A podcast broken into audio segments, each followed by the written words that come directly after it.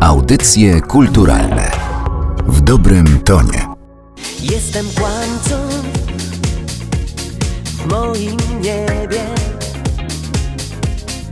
Nie ma prawdy, mm, nie ma ciebie. Mm. Tamerlane, jestem kłamcą. Mówi się, że prawdziwym przekleństwem artysty jest e, nietrafienie ze swoimi piosenkami w tak zwany właściwy czas. Marek Tamerlane-Sośnicki jest tego najlepszym przykładem, prezentując ambitny, zabarwiony soulem i R&B pop, nie odniósł sukcesu komercyjnego. Nie znaczy to jednak, że o Tamerlane powinniśmy zapomnieć, wręcz przeciwnie. Należy przypomnieć jeden z najbardziej oryginalnych zespołów, który zaistniał na polskiej scenie. I'm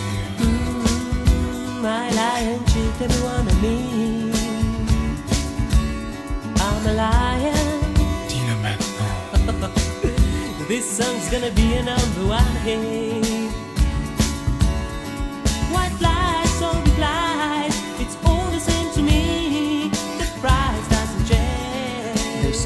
Kiedy w moich opowieściach e, w ramach cyklu Piosenka Prawdę Ci Powie sięgam po popowe nagrania, które pojawiły się e, w latach 90., od razu pojawia się także ten kontekst muzyki rockowej, wezbranej fali powrotu do gitar, która napłynęła wraz z rosnącą popularnością stylu grunge. W Polsce obok ewidentnej mody na tego rodzaju muzykę i pojawienie się innymi takich zespołów jak Illusion, Hawk, Ahimsa, wciąż dobrze miała się przecież brać nurtu rockowego jeszcze z lat 80. Armia, Kult Tila, Róże Europy, Kobranocka czy Brygada Kryzys. No i w takich warunkach właśnie Proszę sobie wyobrazić przyszło Markowi Sośnickiemu tworzyć muzykę szalenie ambitną, nawiązującą do soulu, jazzu, popu i co tu dużo mówić, Marek Sośnicki musiał rywalizować ze wspomnianymi wykonawcami także na listach przebojów. Sam Sośnicki z wykształcenia aktor po łódzkiej filmówce, świadomy swoich możliwości, również świadomy swej tożsamości, swego stylu, mówię nawet jeśli chodzi o image, ale przede wszystkim Marek Sośnicki, który ma wizję budowania swojego zespołu w oparciu o dźwięki między innymi podobne do tego, co tworzył Prince. W wielu wywiadach, mimo sugestii ze strony dziennikarza, że w jego amplua jest coś i z lekkości Simply Red i George'a Michaela, Michaela Jacksona i przede wszystkim Jimmy'ego Somerville'a z Brąski Beat, Sośnicki zawsze na pierwszym miejscu jako źródło inspiracji wskazywał właśnie księcia.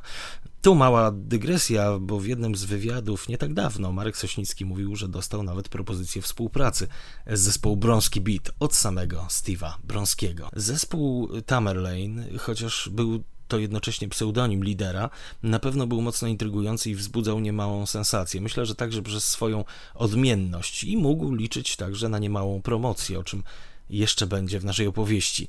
No to przypomnijmy sobie. Opole, 1990 rok i tam nagroda za debiut, tak zwana Karolinka. Rok 1991 to nagroda dziennikarzy na festiwalu w Sopocie, ale także sukces w szwedzkim Karlsham. Natomiast w roku 1992, no tu już y, właściwie Marek Sośnicki i Tamerlane królowali w Sopocie, bo to była nominacja do bursztynowego słowika i to aż w pięciu kategoriach. Dodajmy, że zespół supportował także jedyny koncert w Polsce Michaela Jacksona. To był rok 1990. 1993. To niebezpieczna gra, na łączach ty i ja, sieci kłamstwa zaplątani.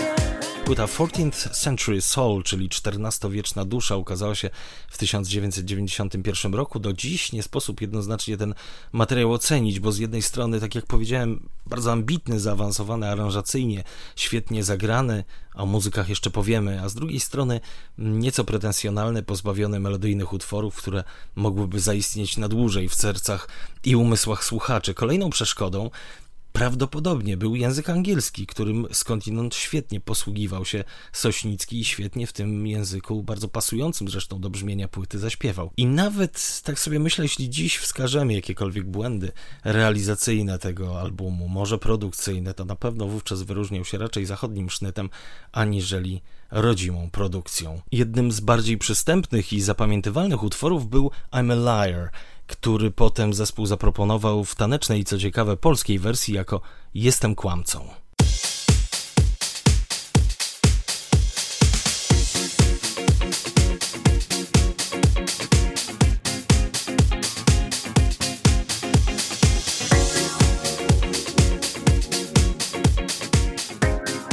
Znajomy beat? No jakże.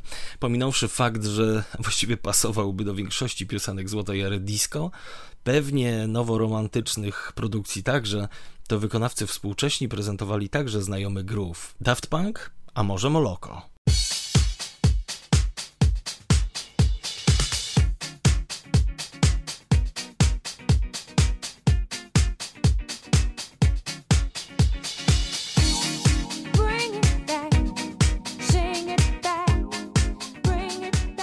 Taneczna wersja I'm a Liar nie spowodowała, że Jestem kłamcą stał się ogromnym przebojem, ale pokazała jednak potencjał piosenki Sośnickiego. Tekst również lepiej trafiał, do tego taneczny rytm siłą rzeczy wymusił uproszczenie aranżacji, co wyszło utworowi na dobre. Jakkolwiek polski rynek wciąż nie był gotowy na tego rodzaju muzykę. Dodajmy, że oryginalny I'm a Liar znalazł się w obrazie Krzysztofa Langa, papierowe małżeństwo, w którym główne role zagrali z jednej strony Joanna Trzepiecińska, a z drugiej Gary Camp, który znany był z zespołu Spandau Ballet. Zresztą podobno Gary Camp zostawił tu kilka dźwięków na gitarze. Wróćmy jednak do I'm a Liar. Jedną z solówek w tym nagraniu zagrał legendarny Tomasz Szukalski. Szakal przyszedł do studia, zagrał swoją partię, a Sośnicki dość buńczucznie stwierdził, że nie podoba mu się to, co zrobił mistrz Szakal. Szukalski przełknął ślinę, wrócił do studia i poprawił solo. Druga wersja była znakomita, a panowie nawet się zaprzyjaźnili.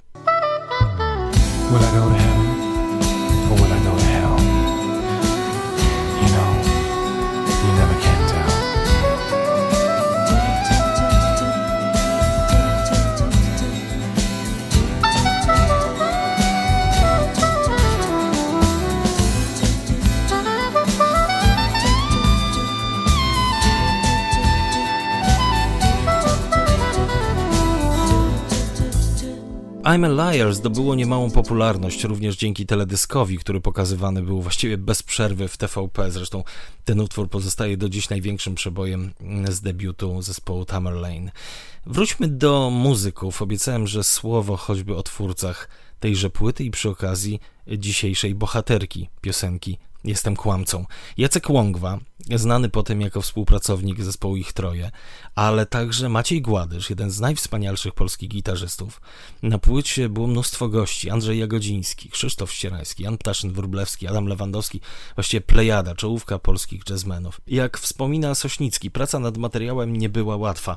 Jego ówczesne wyobrażenie spotykało się z oporem realizatora, a był nim wspaniały Tadeusz Mieczkowski, dziś gigant realizacji w studiach Polskiego Radia. Pan Tadeusz upominał Sośnickiego. Nie może być tak, że nałożymy pięć ścieżek gitar i każda będzie grała co innego. Na to odpowiadał lider Tamerlane. A dlaczego nie? Może.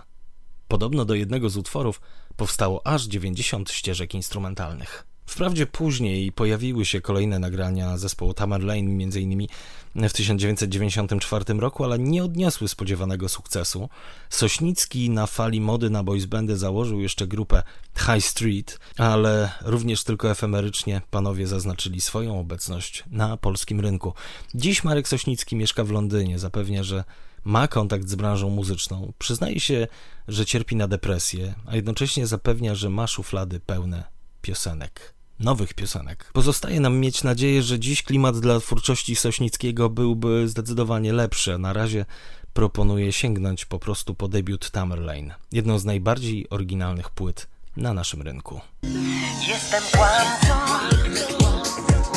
w moim niebie. Nie ma prawdy,